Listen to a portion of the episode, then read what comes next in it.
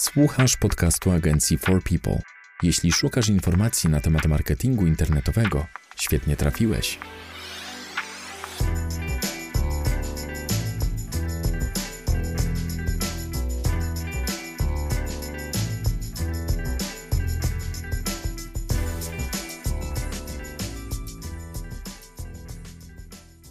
Cześć, witamy w 34. odcinku podcastu nagrywanego przez katowicką agencję marketingu internetowego For People. Z tej strony Łukasz Migura i Paweł Pawlak. Tym razem poruszymy temat plusów i minusów user-generated content, czyli treści tworzonych przez użytkowników na waszej stronie. Może właśnie zaczniemy od wyjaśnienia, czym jest user-generated content i gdzie można go znaleźć, na których stronach stosować. Mm, user-generated content to są wszelkiego rodzaju treści y, tworzone w zasadzie przez klientów, czy bardziej ogólnie mówiąc przez konsumentów. Czyli nie są to treści tworzone bezpośrednio przez firmę, która jest dostawcą jakiegoś produktu i usługi, tylko są to treści y, tworzone właśnie przez użytkowników, odbiorców i tak dalej. Jeżeli chodzi o user-generated content, no to jest to takie bardzo szerokie pojęcie, bo to mogą być zarówno treści chociażby tworzone w social mediach, jak chociażby, nie wiem, ktoś sobie zrobi e, zdjęcie z jakimś produktem, wykorzystaniem danego produktu w jakimś miejscu sobie zrobi zdjęcie, zamelduje się gdzieś i tak dalej. Mm, ktoś napisze recenzję na swoim blogu, mm, to też, to też jest user-generated content. Natomiast na potrzeby tego odcinka Mm, przez user-generated content właśnie chcielibyśmy się raczej skupić na tych rzeczach, które dzieją się na naszej stronie i które właśnie mogą pomóc naszej stronie, a więc najczęściej mm, będą to takie rzeczy jak recenzje mm, produktów, oceny produktów, jakieś komentarze na, na stronach. Y, no i w sumie też o tym wspominaliśmy w poprzednim odcinku, w jednym z poprzednich odcinków dotyczących opisu y, produktów, jak, jak tworzyć, jak zwiększyć unikalność opisów produktów. Jakie są plusy takiego rozwiązania? Dlaczego warto korzystać? Dlaczego warto dać możliwość ludziom tworzenia mm, swoich treści na naszej stronie? Chyba najważniejszym z plusów, na jaki warto zwrócić uwagę, no to jest przede wszystkim to, że jest to za darmo. Yy, nie musimy angażować zbytnio swoich sił w tworzenie takiego kontentu. Mm, o, oczywiście, no jakby tutaj, tutaj jeszcze w dalszej części odcinka powiemy, powiemy w co musimy się angażować, no ale na etapie samego tworzenia nie musimy się angażować, bo tą treść stworzą dla nas użytkownicy, musimy ich tylko do tego y, zachęcić. Do tego za darmo to jeszcze wrócimy, czy to tak naprawdę jest za darmo? Dokładnie. Y, w cudzysłowie oczywiście za darmo, jest to treść, którą, którą po prostu ktoś stworzy za nas. Mm, no dodatkowo jest to pewnego rodzaju budowanie relacji z marką. Mm, jeżeli, jeżeli wida, widzimy, mm, że właśnie na stronie pojawiają się komentarze, opinie, recenzje, no to, to zawsze wpływa pozytywnie, no bo jeżeli komuś się chciało opowiedzieć o naszym produkcie, to znaczy, że gdzieś tam ta więź jest i taka jedna więź pociąga ze sobą kolejne więzi, bo tutaj jakby kolejny punkt, czyli budujemy takim user-generated content, budujemy taką autentyczność i bliskość z klientem. Y, ktoś, kto nie jest naszym klientem, trafia na naszą stronę i widzi mm, właśnie wypowiedzi na, na nasz temat, na, na, na temat naszych produktów, albo widzi komentarze pod wpisami na naszym blogu, że świetna robota, że super temat, no to, to wzbudza takie zaufanie i troszkę jakby mm, pokazuje Mm, że, że no, no jesteśmy w bliskiej relacji z tym klientem, jakby troszkę nie jesteśmy jakąś tam bezimienną mm, korporacją, tylko, tylko tutaj mamy, ten, mamy ten dobry stosunek z klientem.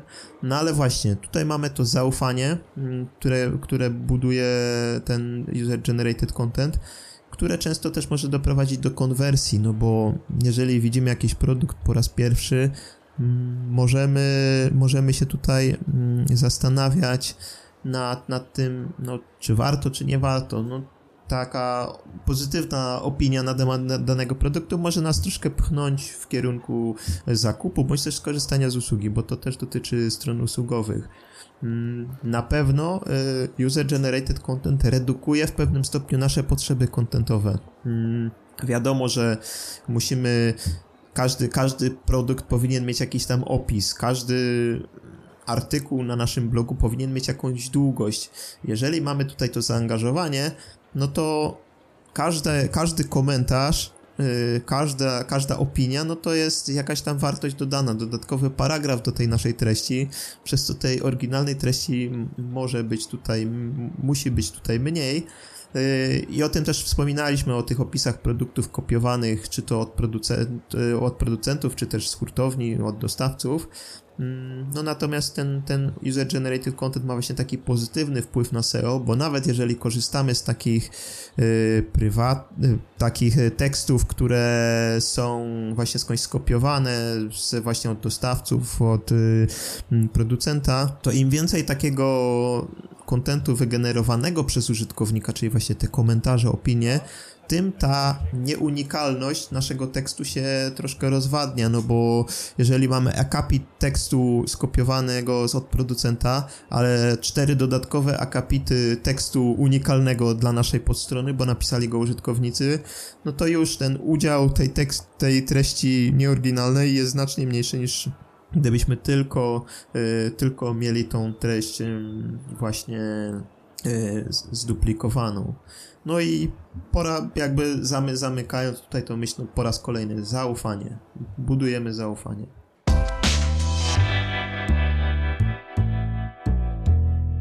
To jest podcast agencji For People, dedykowany przedsiębiorcom i wszystkim miłośnikom marketingu internetowego. Zacznę może teraz o minusach od takiego przemyślenia a propos tego, co mówiłeś o tym, że jeśli są te komentarze, to jest budowanie zaufania i zachęcanie do zakupu. Ja trafiając na sklep internetowy i widząc kilka komentarzy, mm, po pierwsze zadaję sobie pytanie, czy te komentarze faktycznie zostały napisane przez zadowolonych klientów, bo dzisiaj żyjemy w czasach, gdzie mm, zdarza się, że mm, właściciele sklepów zlecają tworzenie takich komentarzy jakimś copywriterom i to od razu widać, gdzie kiedyś ktoś zamówił właśnie takie opisy i to już na wstępie jakby niszczy wizerunek według mnie mm, takiego właściciela sklepu, który decyduje się na mm, jakby zamawianie pozytywnych opinii pod własnymi produktami, żeby mieć tam jakąś treść.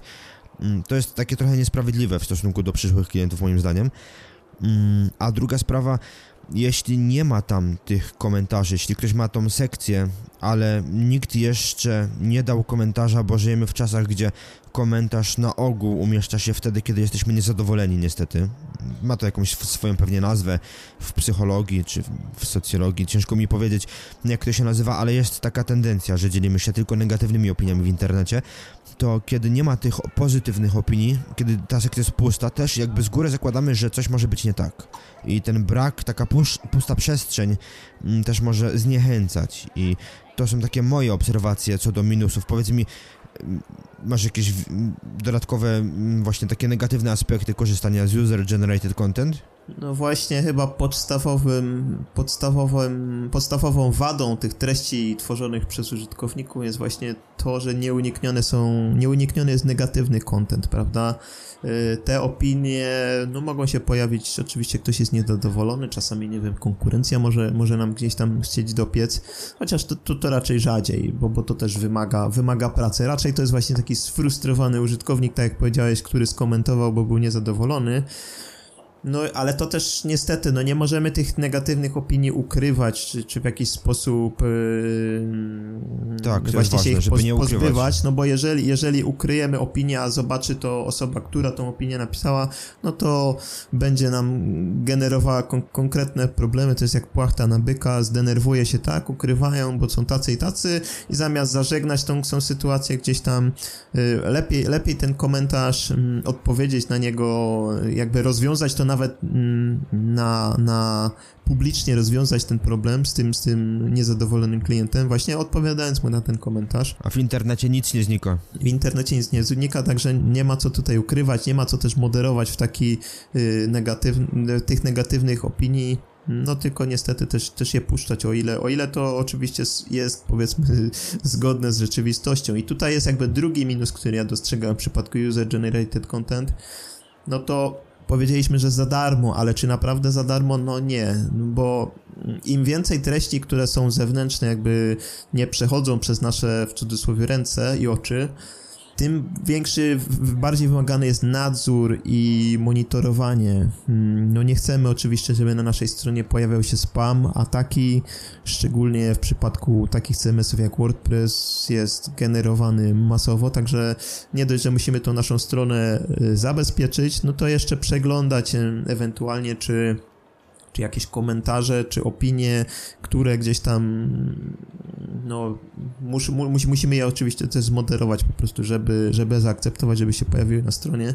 Więc z jednej strony ktoś za, za nas tworzy te treści, z drugiej strony niestety, no, musimy też włożyć troszkę czasu w to, no, żeby, żeby odsiać to, mm, to co jest y, tutaj mm, właśnie troszkę śmieciowe. Nie mówię o negatywach, bo negatywy, no negatyw też warto opublikować, chociażby, chociażby by wpływał niekorzystnie, ale nawet negatyw wpływa na to, że jesteśmy bardziej szczerzy, pokazuje to taką naszą mm, no, rzeczywistość, prawda, że są pozytywne i negatywne opinie, tak jak w życiu, nie, nie, za, nie zaspokoimy 100%, 100% użytkowników. W internecie istnieje też już od kilku lat system, który pozwala walczyć z spamem, na przykład na WordPressie. On wyparł wcześniej funkcjonujący system komentarzy, to się nazywało Comment i bazował na tym, że pozwalał na umieszczanie użytkownikom mm, komentatorom e, linków do follow, żeby też między innymi pozycjonować swoje strony. Mówię o dyskusie. Jakbyś mógł powiedzieć mm, o plusach i minusach dyskusa. Bo wiem, że korzystamy z niego na naszym blogu na przykład, na marketingdlaludzi.pl. No, plus, plus jest taki, że no jest to, można powiedzieć, dość, dość wygodne y, narzędzie. No, jest w pewnym stopniu no, troszkę, troszkę odsiewa ten spam, a chociaż nie, nie, nie w 100%, ale, ale można powiedzieć, że że ten, ten dyskus jest takim narzędziem, które, które filtruje to, czego nie chcemy, więc można w skrócie powiedzieć, troszkę tą naszą pracę mm, zmniejsza to, ten, ten, tą, ten nakład naszej pracy. No natomiast y, w przypadku dyskusa no, trzeba się liczyć z tym, że, że jest to skrypt, który w pewnym stopniu może spowolnić daną podstronę, na której on, on widnieje. No także, także jak, jak w przypadku większości wtyczek mm, dodatkowych, no musimy się liczyć z tym, że, że że, no, że, że nasza strona po prostu może spowolnić. Mm, I też y, Tutaj ja, ja szczerze powiedziawszy nie zwróciłem na to uwagi, ale, ale pamiętam, że ty o tym wspominałeś podczas którejś z naszych rozmów, że no Diskus też czasami wyświetla reklamy, na których tak, nie, tak. nie, nie do końca mają, chcielibyśmy mieć na, na swojej stronie. Mają swój system reklamowy i jeśli zauważą, że któraś strona jest chętniej odwiedzana przez użytkowników, jeśli tych komentarzy pojawia się odpowiednio dużo, to w wersji darmowej wyświetlają sekcję reklam ponad komentarzami, po to, żeby no, zarabiać. Wiadomo, mają reklamy, sprzedają powierzchnię i, i, i czerpią z tego zyski. Dzięki temu wy macie darmowy system komentarzy, który nie jest zaspamiony, a oni mają na waszej stronie możliwość prezentowania reklam waszym użytkownikom.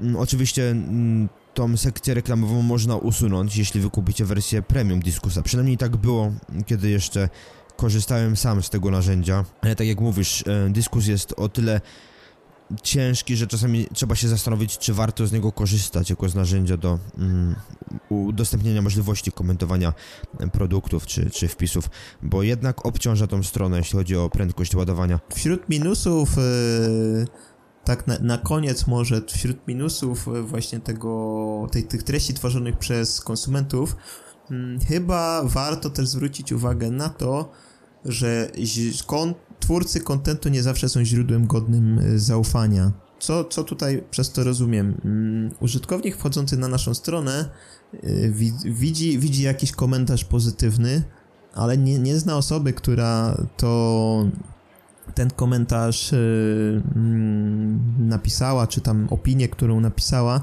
i to może budzić takie czasami właśnie negatywne skojarzenie, że o, prawdopodobnie kupili tą opinię, albo coś jest nie tak, sami ją napisali, bo tak jak wspomniałeś, prędzej spodziewamy się tej negatywnej opinii niż tej pozytywnej opinii.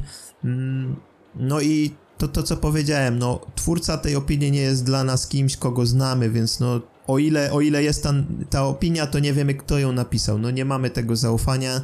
Yy, znaczy się inaczej, nasz użytkownik nie ma tego zaufania, przez co to też mm, no może w pewnym stopniu zniechęcać, bądź też wzbudzać podejrzenia. Powiedzmy sobie szczerze, na przykład jeśli chodzi o filmy, to mm, na najpopularniejszym w Polsce portalu dotyczącym filmów, Filmweb, e, są recenzje krytyków.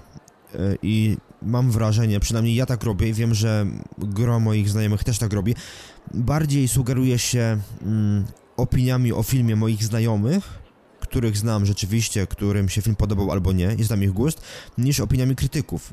Dla mnie krytyk to jest po prostu twarz, nazwisko, które gdzieś pisze. Jasne, może znać się na swojej robocie, ale nie ma dla mnie, jeśli nie jest moim autorytetem, nie ma dla mnie takiego znaczenia jego opinia, jak opinia moich znajomych na temat danego filmu. No i z takimi produktami może być podobnie. Wa wa wa warto, warto pamiętać, że właśnie na opinię i na, na jakieś tam chęć skomentowania no wpływają też nasze upodobania, więc jeżeli ktoś coś lubi bardziej, będzie skory do, yy, do pozytywnej, pozytywnego komentarza. Tutaj właśnie wspomniałeś o, o Filmwebie. No jeżeli kto, czy dany film jest w czyimś guście, no to oczywiście wyrazi się pozytywnie, ale może to nie, nie wcale to nie oznacza, że ten film jest w guście 10 innych osób, które, które go obejrzą na podstawie tej opinii. Więc to tak jak mówię, nie, nie ma tutaj zaufania do tego źródła mm, tego kontentu, więc no też może być jakiś negatywny efekt. Podsumowując, wartość w user-generated content, warto go mieć na swojej stronie? Cytując Ryszarda Ochuckiego, by, być może są i plusy, ale niech te plusy nie, przez, nie przesłaniają nam minusów.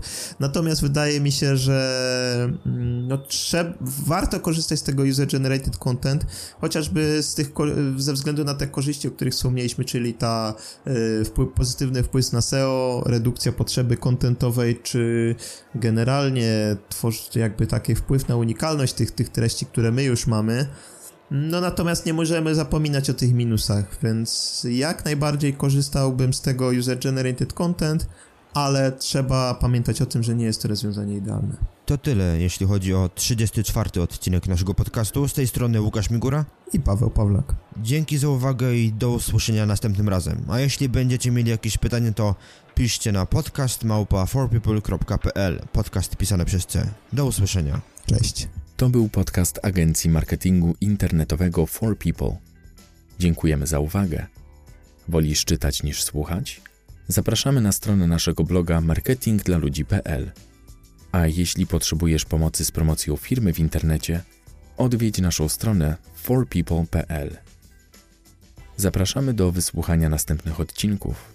Do usłyszenia.